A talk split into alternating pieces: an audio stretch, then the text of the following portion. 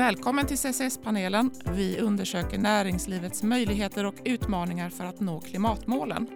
Genom podden skapar vi möjligheter och stimulerar till nya tankar för ett hållbart samhälle.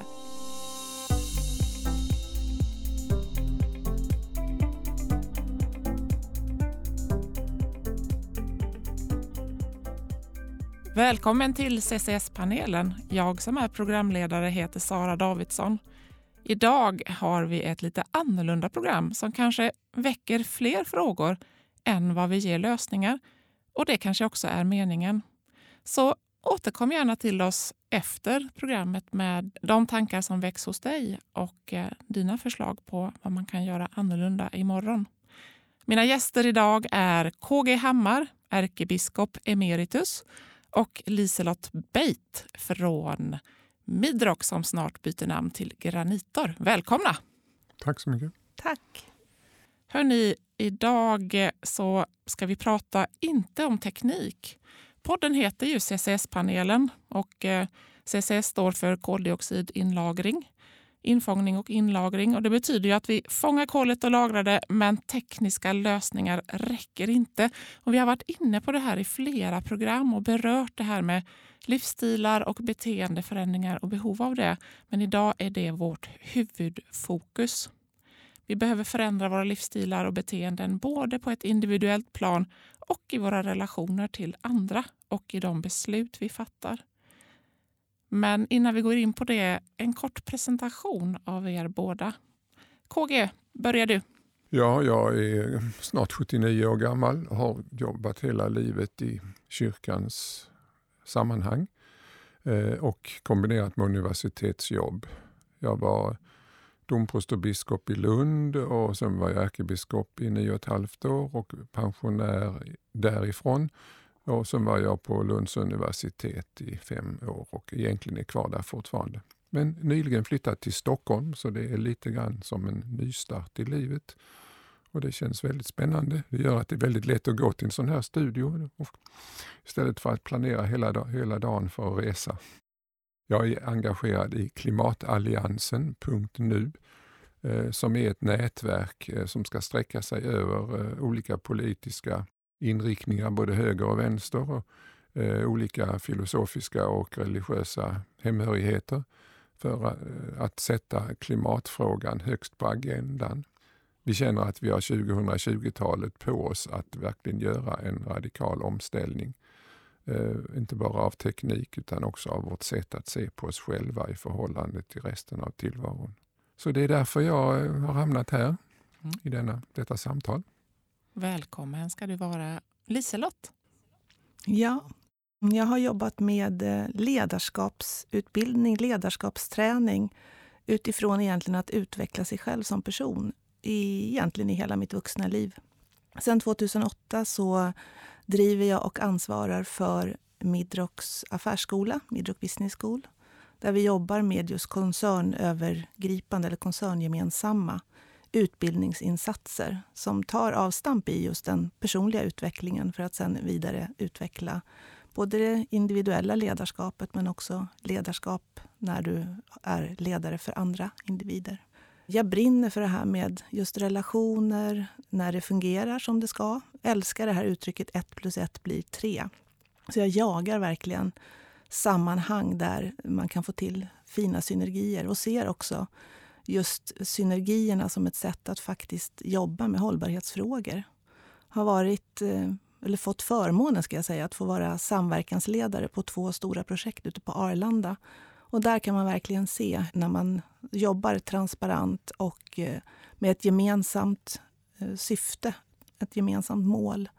Hur man faktiskt kan både rent socialt få till fina relationer, samarbeten men också rent ekonomiskt krast så får vi också till mycket, mycket bättre resultat. Så det där brinner jag för och försöker hela tiden förstå mer av vad är det som krävs för att vi ska uppnå det på vardaglig basis, inte bara när vi har ett kontrakt som på något sätt styr vårt eh, agerande gentemot varandra. Jag bor utanför Stockholm i Täby med man och barn. Har blivit farmor eh, precis. Grattis! Tack. Och det gör ju att det här med hållbarhet och eh, att vi ska få till det här med klimatmålen blir ännu viktigare för mig. Vi ska börja i änden av eh, Klimatalliansen för där fångades mitt intresse, KG, för jag såg en artikel som ni skrev i Dagens Nyheter i höstas, hösten eh, 2021 i oktober. Och eh, ni la fram ett antal konkreta förslag på vad ni tyckte att eh, man ska göra annorlunda för att nå klimatmålen i tid. Men jag vill börja i änden. Varför gick du med i Klimatalliansen?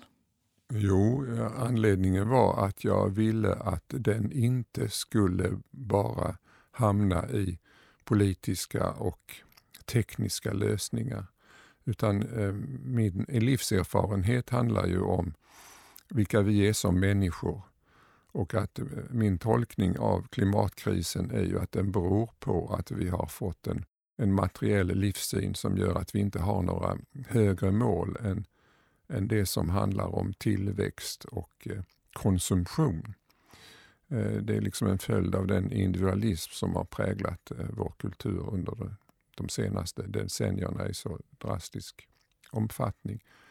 Sen finns det ju ett väldigt näraliggande skäl också. Det är att eh, jag är personlig vän med Gudrun Schyman så hon har liksom dratt igång det här. Vi finns båda på Österlen och har suttit och diskuterat vid köksborden innan det här blev verkligt.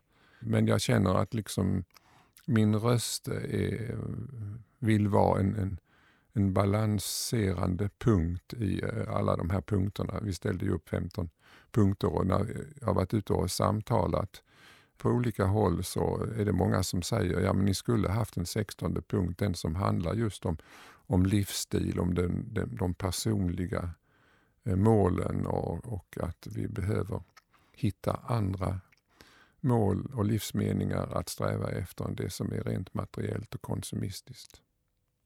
Vad tänker du Liselott när du hör KG berätta om detta? Mm, jag tänker att eh, det jag jobbar med handlar ju väldigt mycket också om att titta inåt och förstå sig själv och förstå sina drivkrafter och att försöka hitta ett högre syfte, en, ett högre, en högre mening egentligen med att man kliver ur sängen på morgonen och gör det man gör. Så att eh, jag kan inte säga annat än att jag är helt enig. Jag tror att eh, just den här jakten på det vi tror ska göra oss lyckliga.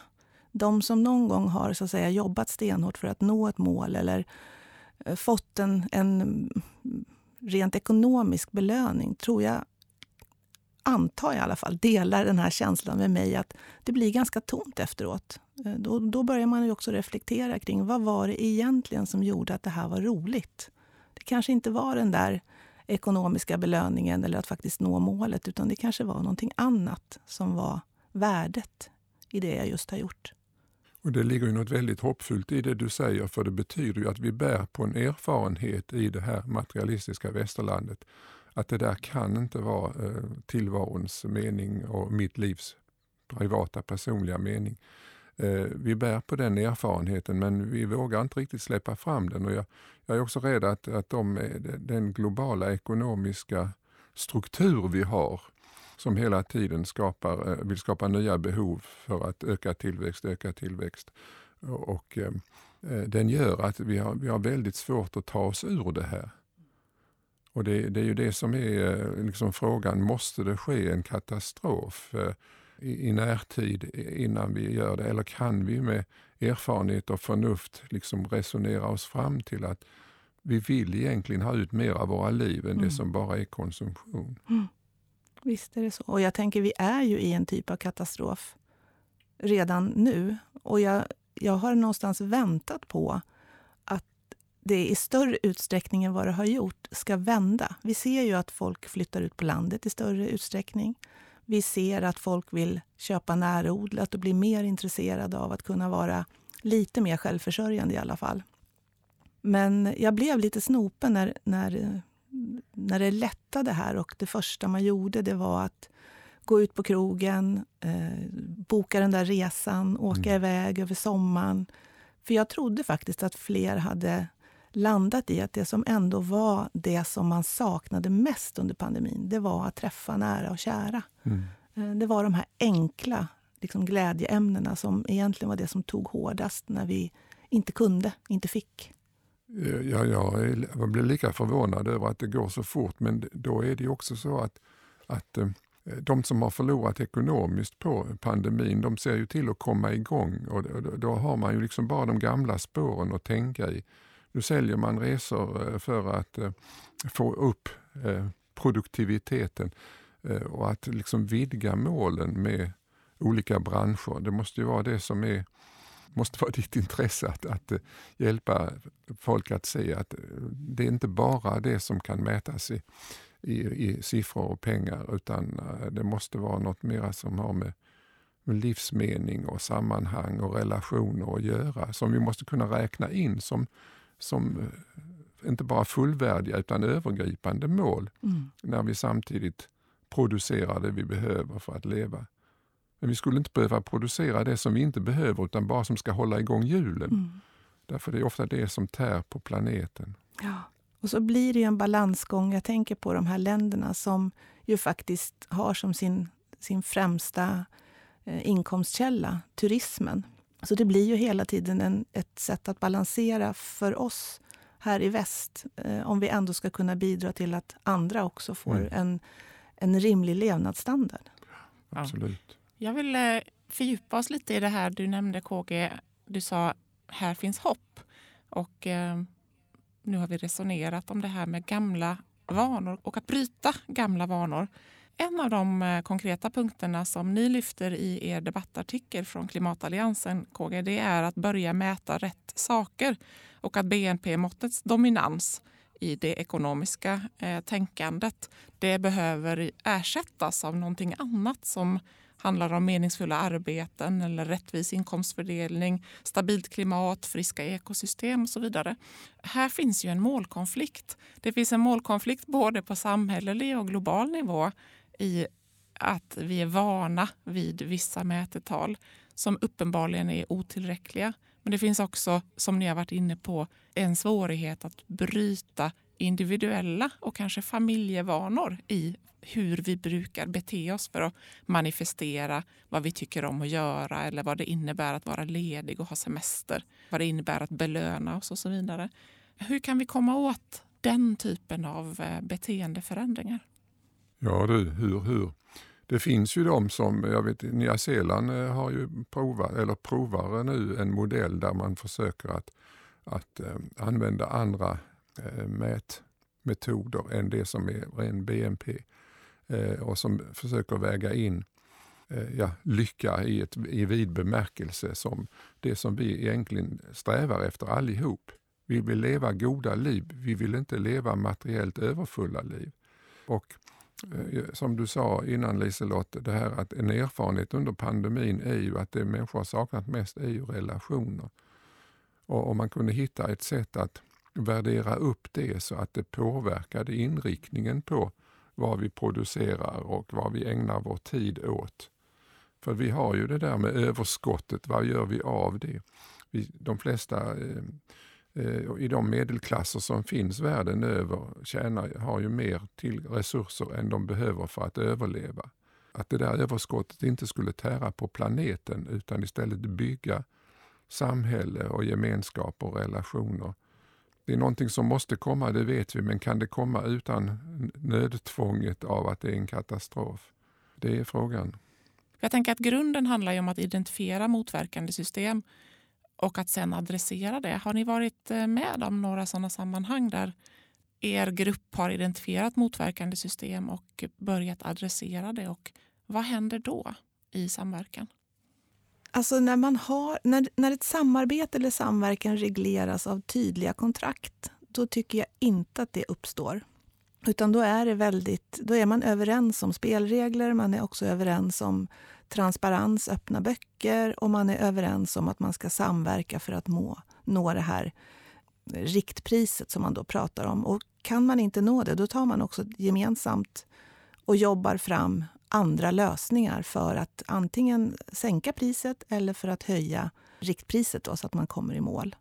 Men till vardags så kan jag säga att när, när man jobbar som, som jag gör med att implementera kan man väl säga en, en samarbetskultur. Det är ju det alla våra utbildningar egentligen syftar till. Att vi ska bli klokare på oss själva så att vi kan bli klokare på att bemöta och vara i relationer med andra människor. Så är det ju så att har man då incitamentsystem som på något sätt belönar enheter, då blir ju det ett motverkande system. Därför att då vill ju personer som så att säga, driver mot det här incitamentet, de ser ju till det först och till samarbetet i andra hand. Eh, nu tycker jag det där börjar mjukas upp, men det har ju ändå varit en av de sakerna som jag tycker vi har fått jobba mycket med på Midrock. Att se hur kan man då skapa incitament som belönar samarbete? För det, då kommer vi tillbaka till så här, hur mäter man det då? För vi tenderar ju att göra så, vi människor, att det vi mäts på, det är det som, som görs. Det är det som vi liksom strävar mot. Men jag, jag, jag står ändå, jag fick en idé här i, i veckan i ett samtal när vi pratade om det här med valuta. Då tänker jag så här, tid kanske är den nya valutan. Och skulle tid bli den nya valutan, då skulle vi ju då skulle vi få se en rad olika nya eh, sätt, både från arbetsgivare att attrahera mm, personal, men också hur vi skulle belöna. Belöna med tid. Intressant tanke. Mm. Ja, det, det var någon som eh, på en av de här klimatalliansens möte som hade lagt större delen av sitt yrkesliv på att bevisa att vi ska inte jobba så mycket som vi gör för att få in så att säga, materiella vinster. Eh, därför att det, vi får bara problem med det som vi tjänar mer än vad vi behöver. Eh, och, och jag tycker det, hans sätt att tänka det stämmer lite grann med, med det här med att ha tiden som belöningssystem. Mm. Eh, om, om vi då vet vad vi ska göra av den. För att i dagens läge, den tid som finns över, den tycks ju folk lägga på varuhusen. Mm. Eh, och, och, man shoppar inte för att man behöver det utan därför att det är en, liksom en aktivitet mm. som, som känns bra. Mm. Man måste göra någonting med de pengar man har. Men jag får gå tillbaka till din fråga om motverkande system. Eller där det liksom, då är ju min erfarenhet inte, inte från företagsvärlden utan det är ju mer det, det politiska eh, och, och civilsamhället och så där man kan uppleva att vi har en väldig motsägelse mellan eh, valperioder, eh, att tillfredsställa eh, väljare eh, och de insikter man får om till exempel nu klimatfrågan och det, hur bråttom det är och så. Och då kan man i, i relation till civilsamhällets organisationer som ofta inte behöver ta hänsyn till hur man ska tillfredsställa väljare, eh, liksom ha ett sätt att bejaka, ja det är klart ni har rätt och så vidare. Eh, men sen när det handlar om att eh, göra de politiska prioriteringarna så blir de liksom ofta styrda mot andra mål, nämligen att se till att väljarna nästa gång röstar på oss. Alltså själva striden om makten i, i parlamentet blir liksom en övergripande fråga. Och Det är ju lite grann bakgrunden till klimatalliansen att vi har, lite, vi har upp, gett upp om det politiska systemet i just, i just i den här situationen. Eller vi känner åtminstone att den måste kompletteras med någonting där, där en, en högerman och en vänsterkvinna eh, kan förenas i detta att ja, men vi har ett gemensamt intresse, nämligen att att planetens livsvillkor inte ska bli sådana att det blir svårt att vara människa. Åtminstone en människa med, med mänskliga drag så att eh, vi inte hamnar i det läge där den rika delen av världen skyddat sig mot de, de många som, som svälter och hungrar och måste röra på sig eh, åt vårt håll för att få någonstans att överleva. Men varför är det så utmanande för oss att prata om de här frågorna och addera det som det sextonde förslaget som du var inne på KG? Mm. Alltså, och Sverige sticker ju ut eh, i den här bemärkelsen att de existentiella frågorna det är ju liksom de andliga traditionerna, det är, det är de religiösa sammanhangen, det är kyrkorna som har, har liksom förvaltat och ägnar sig åt de existentiella frågorna. Eh, vi, I våra sammanhang pratar vi ju liksom aldrig om, om tillväxt i betydelsen någon materiell tillväxt. Eh, utan det handlar ju hela tiden om att, att mogna som människor, att, att utvecklas i sina relationer, och att också inse att det finns en, ett, ett, större sammanhang. Vi kallar det Gud, men vi kan, man kan kalla det många olika saker, men det handlar i alla fall att, att jag är inte själv tillvarons universums centrum utan det finns ett större sammanhang, en helhet, ett holistiskt perspektiv eh, som eh, vi måste ta in i vår livsekvation. Eftersom de här frågorna, eh, då, eh, man är rädd för dem, i, inte minst i svensk kultur men ofta i hela västerlandet, nämligen därför att, att det, det har religiösa, andliga konnotationer, alltså sammanhang. Eh, och då tror man genast att det handlar om ett förtryckande färdigt system som bara ska trumfas på oss. När det egentligen handlar om en, en erfarenhet, en reflektion över vem människan är djupast sett och där det, människans lycka, ett gott liv. Eh, Guds rike kallar Jesus det för eh, tillvaro i balans, i harmoni. Eh, de gamla testamentliga profeterna talade om shalom som just fred i alla våra relationer. Där detta är liksom huvudämnet. Eh, men vi, vi är lite urarva, vi är utanför. Och vad jag kan eh, uppleva nu är ändå att att många känner att ja, men det ligger någonting där. Kan vi inte prata om detta utan att prata om religion, utan att säga Gud?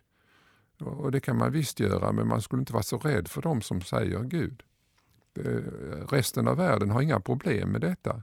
Och eh, Vi tror ju ofta att vi ligger först i utvecklingen, eh, men det är inte säkert att det är en bra utveckling. Det kan ju också vara att det, man blir analfabet på ett visst område som handlar om vem vi själva, själva är. Mm. En invändning mot det resonemanget eh, KG skulle ju kunna vara att jo, men i resten av världen så finns det ju väldigt mycket religion i vardagen. Men de sitter ju fast. Klimatkrisen är ju global.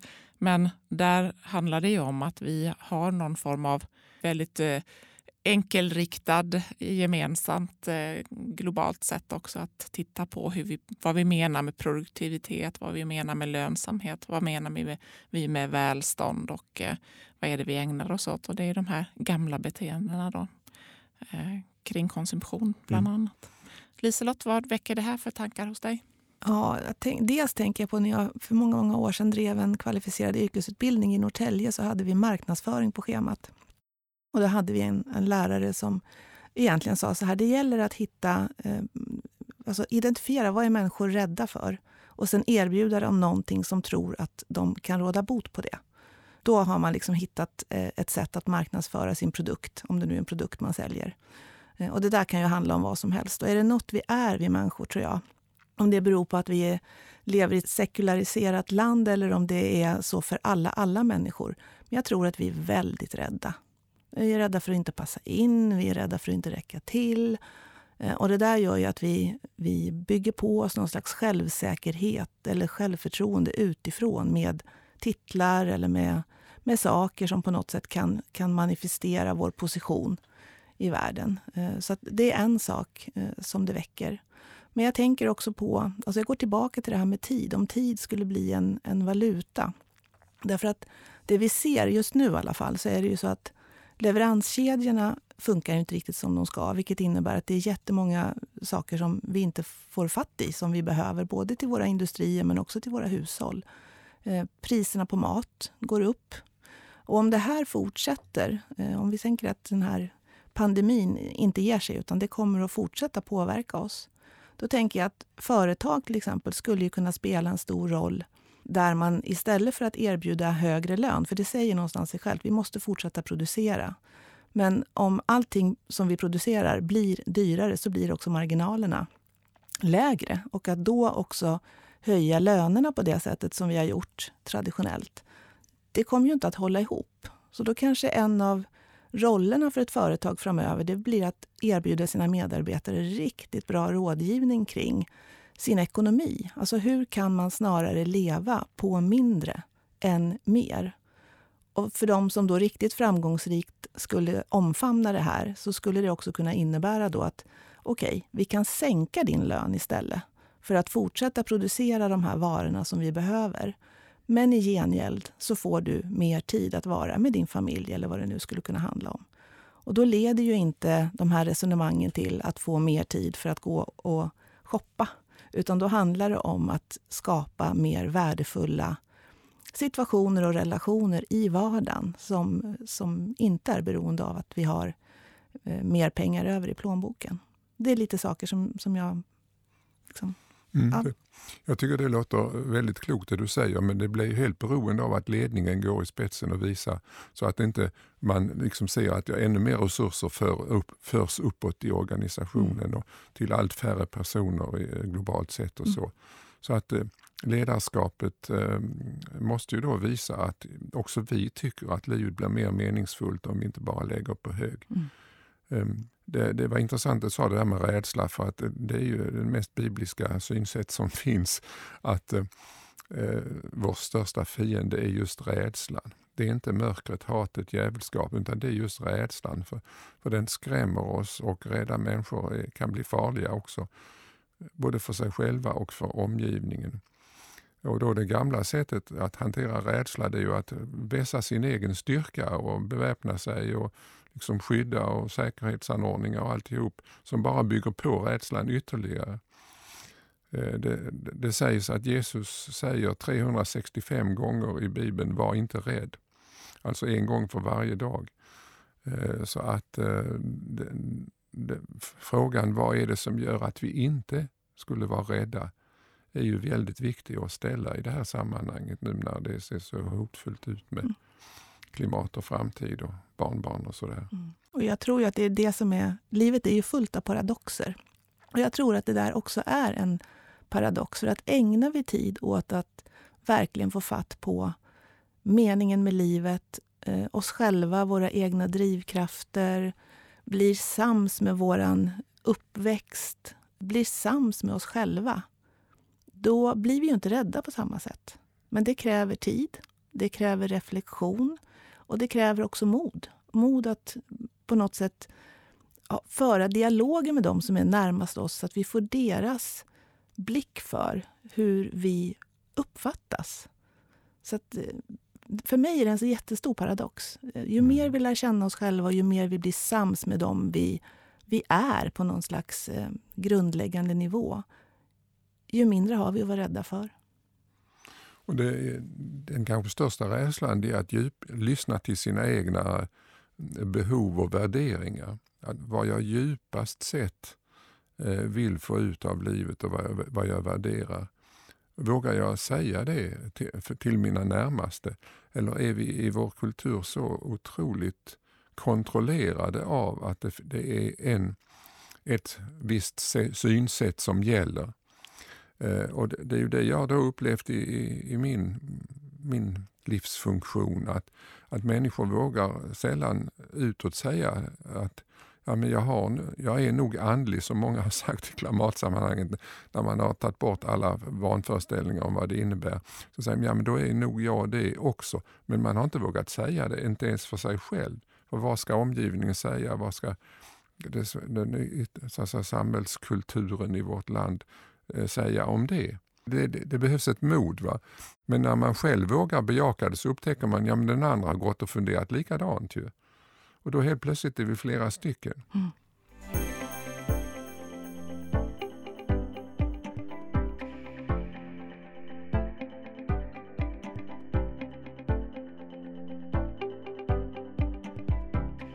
Ni är inne på några viktiga saker som jag ser återkommer här.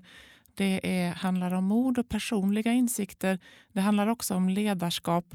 Jag skulle vilja föra in en tredje dimension som vi tre ju försöker påverka genom den här podden också. Och Det är kritisk massa.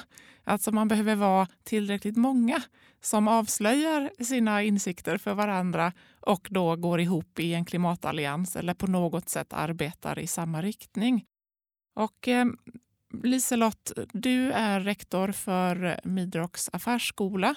Och eh, Midrock byter ju snart namn till Granitor så vi får väl börja kalla det för Granitors affärsskola. Och I det finns en ledarskapsutbildning.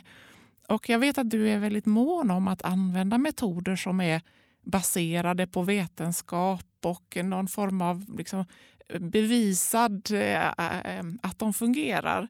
Kan inte du ge några exempel på hur eh, du tänker kring Midroks ledarskapsutbildning för att ge tillräckligt många eh, i vår organisation det här, de här insikterna och verktygen? Ja, alltså dels tänker jag att ska du ska du på något sätt ansvara för andra människor och eh, vara den personen som står modell för värderingar och beteende så behöver du ha tittat på dig själv och eh, åtminstone börjat skala löken som vi brukar prata om. Att hitta just de här de inre, eh, inre värderingarna, de mekanismerna som faktiskt gör att du gör som du gör. Och då tycker jag, det här är ju saker som, som har betytt jättemycket för mig. Att komma i kontakt med teorier och modeller som förklarar vad händer när människor kommer samman. Vad är det för dynamiker som uppstår när en grupp tillsammans ska eh, använda sina olika kompetenser och sätt att lösa problem för att nå ett gemensamt mål. Jag tror vi alla har erfarenheter av att ha gjort grupparbeten i skolan där vi gick omkring med känslor av utanförskap, att inte komma till sin rätt, att känna sig förvirrad. Och mycket mera fokus gick egentligen åt till det här än till att faktiskt jobba med det som vi skulle lära oss, det som var meningen med själva uppgiften. Eh, och där tycker jag att det finns mycket att hämta just när det gäller forskningen kring grupper, gruppers utveckling och ledarskap. Och då är det ju viktigt att alla som har eller som behöver stå modell för ledarskapet får gå igenom de här utbildningarna. Men det är lika viktigt att de som de här personerna ska leda får tillgång till samma språk. Annars blir det ju en krock när de som då har lagt ner tid på att faktiskt utveckla sig själva och eh, lära sig eh, nya angreppssätt kan man väl säga kring hur man ska eh, applicera sitt ledarskap. Om du försöker göra det på en gruppering sen när du kommer hem och de inte riktigt förstår vad, varken språket du pratar eller vad det är för någonting som du försöker uppnå, då blir det lite halvhalt. Så därför jobbar vi med att ge... Vi har valt ut ett antal tankemodeller där Susan Whelans teori kring hur grupper utvecklas är en. Feedbacktrappan och, och eh, vad du behöver förhålla dig till när du ger feedback är en annan. Och sen har vi utifrån det då bestämt att alla medarbetare ska få till sig samma typ av redskap. Det är inte lika omfattande utbildningsinsatser, men det är samma tankemodeller som vi använder till alla. Och Det är någon som har forskat på det här också som säger att om, om 10% av en population får till sig någon typ av utveckling eller får tillräckligt mycket insikt så sker det någonting. Därför att 10% räcker för att du ska sätta någon slags våg i rörelse. Och Då kan man också gå tillbaka till det som hände i början på 1900-talet här i Sverige när man såg till att 10% av den yngre befolkningen fick tillgång till, man fick åka iväg på eh, läger, utbildningsläger.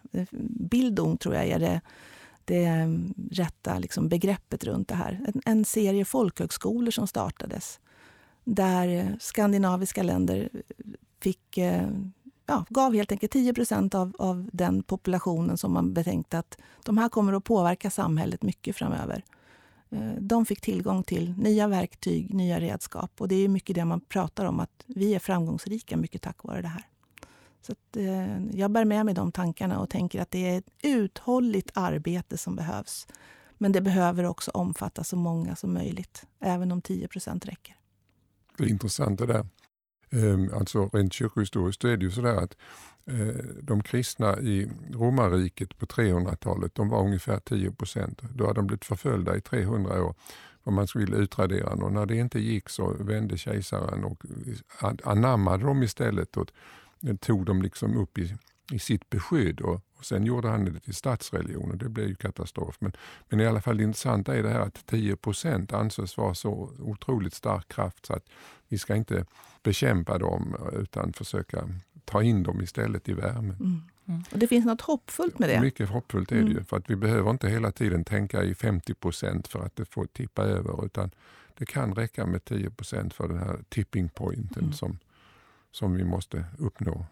Verkligen, men vi har inte 300 år på oss och vi ska inte hålla på att förtrycka någon heller på Nej. vägen här. Eh, KG, en eh, annan av de konkreta punkterna som ni tar upp i Klimatalliansen i er 15-lista det är ju att stärka demokratin med kunskap och eh, engagemang. Och ni, ni, är inne på just också folkbildning för eh, att eh, nå förändrade synsätt och att bryta vanor. Berätta lite om det. Ja, Liselott nämnde ju det här eh, tyska begreppet Bildung som vi har i vårt bildning. Och det, eh, vi tror alltså att det handlar ju väldigt mycket om eh, de värden som inte då är materiella utan som handlar om att jag själv växer som människa och fördjupas som människa och eh, större insikt i mindre relationer. Och eh, folkhögskoletraditionen är ju verkligen bärare av detta. Vi skulle behöva en sån nystart igen på den, eh, på den insikten.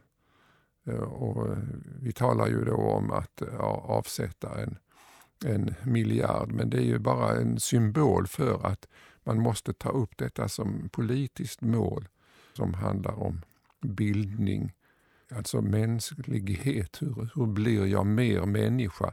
Om jag nu har blivit en prick insatt i ett produktionssystem och är en, en eh, konsumistisk eh, planering eh, så är jag ju egentligen mycket mer. Jag längtar efter att bli mer och jag behöver hjälp att bli mer. Och det här folkbildningsbegreppet studiecirklar, att mötas tillsammans och upptäcka och att få lov att använda de resurser jag bär på, de erfarenheter jag bär på. det. Mm, jag tror att det väldigt mycket ligger där. Det är ju också ett sätt att eh, knyta relationer, tänker jag, och fördjupa relationer. Att vara i den typen av studiecirklar och att resonera och reflektera tillsammans. Så mer sånt, tycker vi. En sak som jag funderade på i helgen här, det är ju just politikens roll. Alltså, det är inte lätt att vara politiker. Du ehm, nämnde KG det här med fyraårscykler och att det handlar om att så att säga sälja in sin produkt då, som politiker och, och eh, det parti man tillhör. Vi har ju eh, som tur är politik på olika nivåer. Vi har ju också en hel del möjligheter inom EU till exempel och andra eh, mellan andra typer av eh, organisationer där många länder är med i samma eh, samarbete. Men som eh, politiker så ska du stå till svars och du mäts ju mot vad allmänheten tycker om dina förslag. Och det, du måste vara seriös och eh, komma med eh, liksom förslag som många kan köpa så att säga. Då tänker jag då finns det en risk också att inte våga föreslå, och våga pröva radikalt nya saker. Det är väldigt lätt att få stor kritik för det. Ett land som har vågat prova nya saker det är faktiskt Costa Rica. Och eh, de har skrivit in personlig reflektion och personlig utveckling som en eh, viktig beståndsdel i utvecklingsarbete. Liselott, du vet mer om det här. Berätta. Ja, Eh, sen flera år tillbaka så har bland annat eh, Ekskäret Foundation drivit en, eh, Eh, ett arbete där man har engagerat eh, både eh, skolor, universitet men också större företag i att försöka klura ut vad är det för vad är det för förmågor som krävs för att vi ska kunna jobba framgångsrikt för våra sustainability goals. Och, då har man jobbat med både litteraturgenomgångar, man har engagerat Thomas Jordan från Göteborgs universitet och man har jobbat med enkäter som har skickats ut till, jag tror att det är över 8000 personer för att försöka på något sätt sammanställa någonting som blir eh, konkret, som man faktiskt kan jobba vidare med.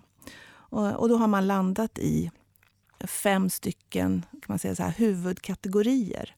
Där man pratar om eh, dels att bli klokare på relationer till sig själv.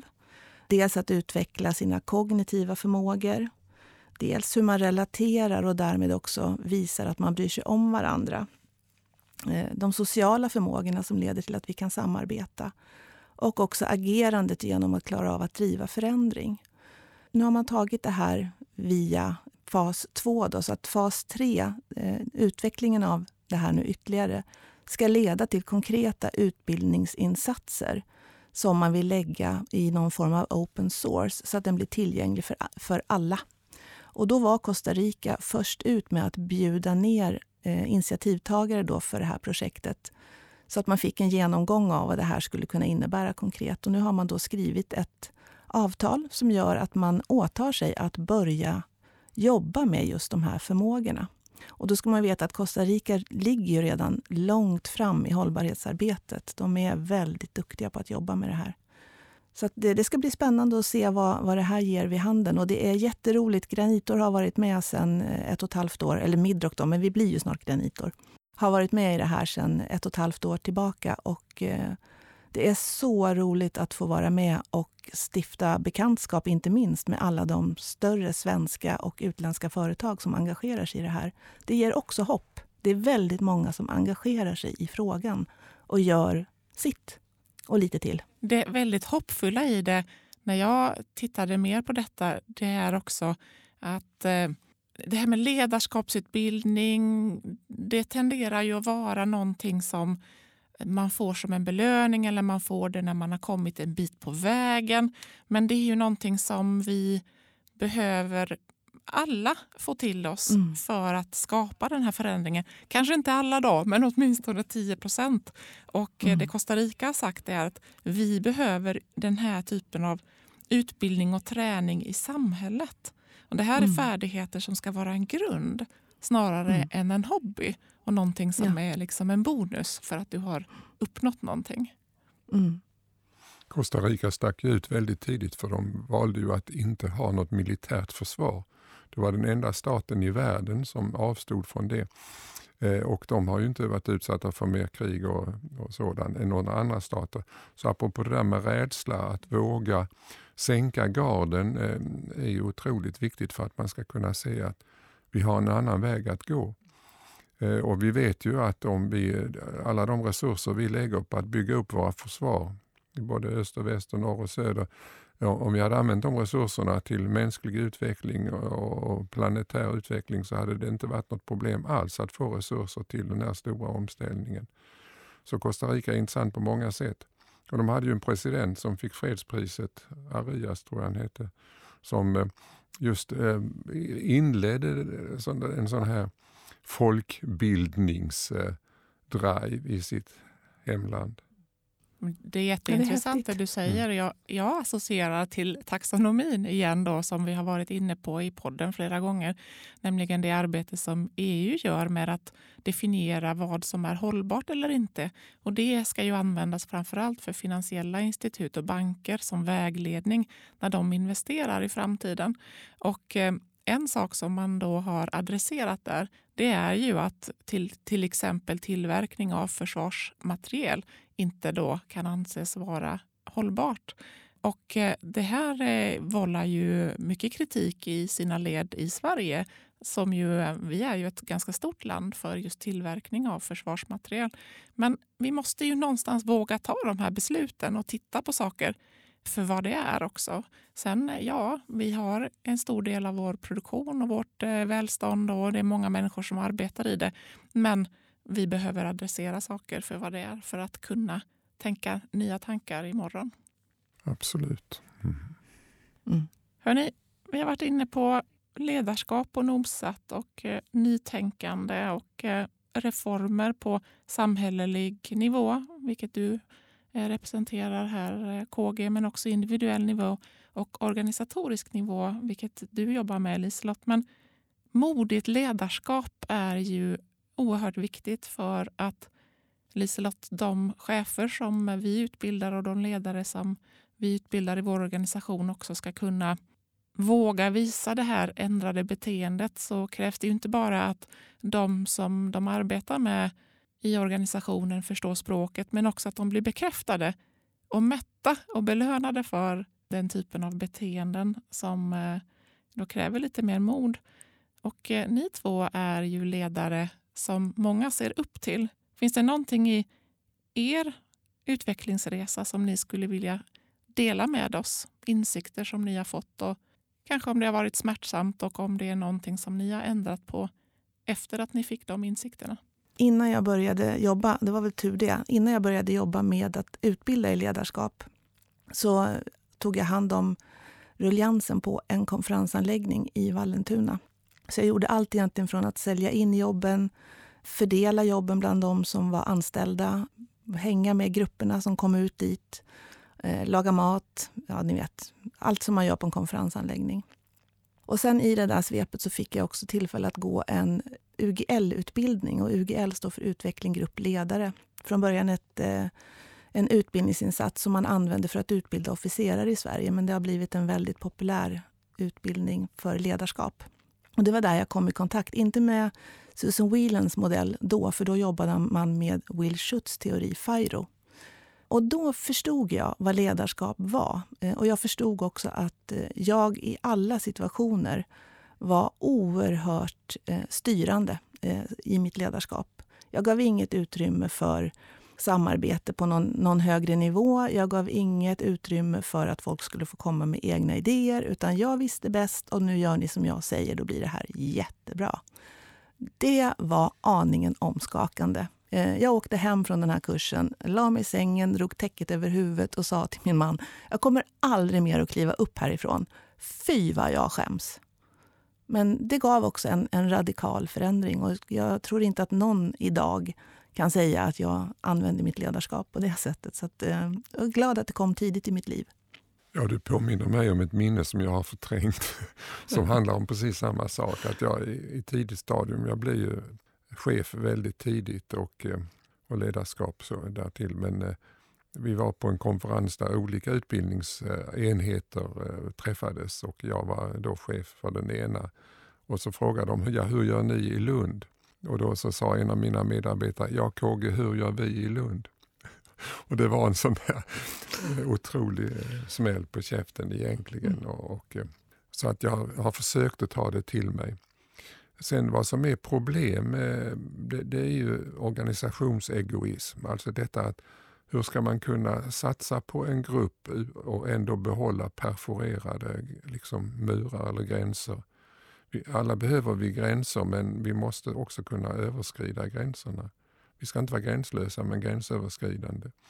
Och det är ju, det är ju en svår balansgång eh, därför att det är så mycket som bygger på tävlingsinstinkter och och just att mäta framgång i, i de egna sammanhangen och då gärna jämföra. Dag Hammarskjöld skriver att jämför, ödmjukhet är att inte jämföra sig. Och att det här med jämförandet är ju roten till mycket ont. Mm. Och Det börjar så tidigt i mm. livet. Mm. Framförallt om du lever i en familj där det kanske finns syskon och man får tävla om uppmärksamheten. Mm. Ja, jag på min fritid så leder jag basket för de allra yngsta. Och eh, där, när de spelar match mot varandra så räknar vi inte poängen och vi redovisar inte poängen men barnen frågar direkt vem vann. Mm. mm. Så att vi skolas in i det tidigt. Och Det där är en sak om man tittar då just på grupper och gruppers utveckling. Så Går man enligt eh, Susan Whelans teori då, så är ju den, den första fasen handlar ju någonstans om att orientera sig i gruppen. Och när gruppen känner sig trygg så börjar ju den här eh, sökandet efter roller och mandat och man blir kanske lite, man ifrågasätter varandra. Det kan gå ganska, ganska hett till. Och som ledare då, om du själv är för tävlingsinriktad eller om du tycker om att jobba med någon slags konkurrensmedel, då är ju det ett säkert sätt att få gruppens energi att stanna av eller möjligen backa.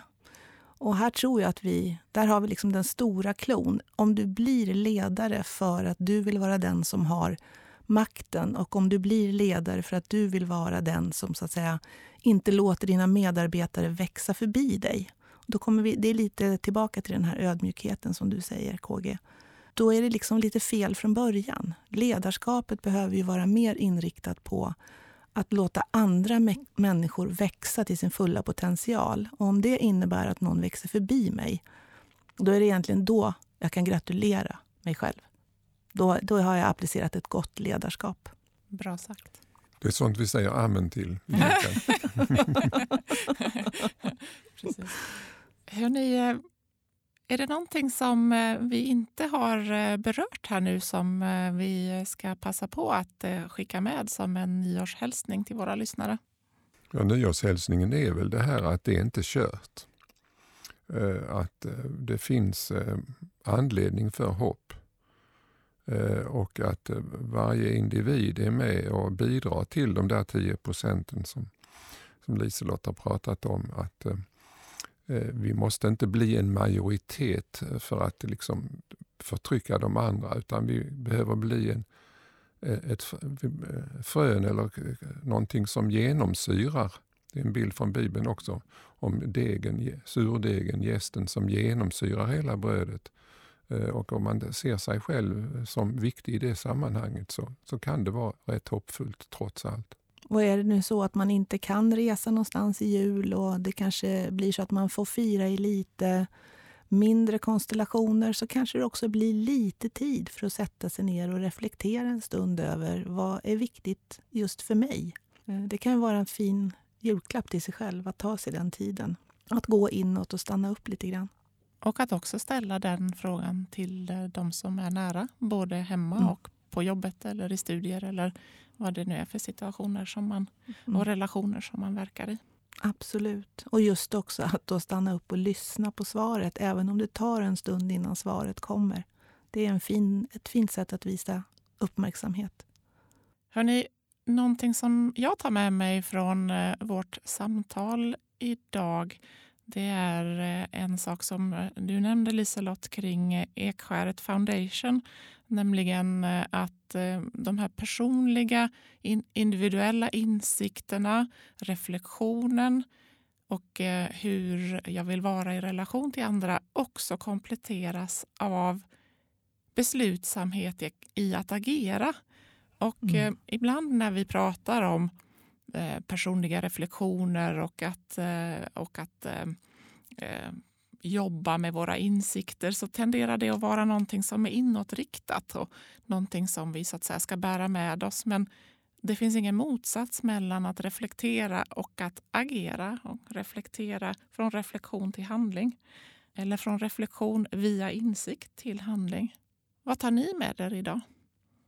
Då får jag, jag knyter an till det du sa, Sara. För Jag tänker så här att vi kan bestämma oss för saker det kan vi göra. Jag kan, jag kan bestämma mig för nya saker en gång i sekunden. Men det är inte förrän jag agerar som jag faktiskt har gjort en skillnad på något sätt. Eh, så att det blir nog det som, apropå det du sa, så tänker jag att jag tar med mig det också. Att det är när jag faktiskt gör någonting, det är då det finns en möjlighet. Oavsett om det handlar om att bryta ett mönster eller göra ett nytt beteende, att faktiskt bidra på något sätt. Jag kan tänka hur mycket som helst. Det finns ju ett tankesätt som säger att det är tanken som räknas. Och det är det faktiskt inte. Det är bra att tanken finns där. Den kanske måste föregå mitt beslut. Men det är när jag gör något, det är då det händer. Och våga reflektera efter mitt handlande. Alltså handling plus reflektion är ju en, eh, en förändringspotential då man vågar vara ärlig. Varför gjorde jag som jag gjorde och svara detta mot mina djupaste värderingar. Men eh, utan handling kommer vi ju ingenstans, det är helt klart. En tro som är verksam i kärlek heter det i Bibeln. Mm. Fint. Vilken eh, fin cirkularitet vi fick till här på slutet med tanke och agerande och efterföljande reflektion. Stort tack för att ni har träffat mig idag och samtalat om eh, livsstilar och eh, ändrade beteenden för att nå våra klimatmål. KG Hammar och Liselott Beit. Tack för att vi fick komma. Mm, tack för det. Tack också till dig som har lyssnat och tack till eh, Komma och Munk Studios som vi samarbetar med för att göra de här poddarna. Och stort tack till dig som har lyssnat. Vi önskar er alla en eh, fortsatt god jul, en lång helg och ett mycket gott nytt år in mot 2022.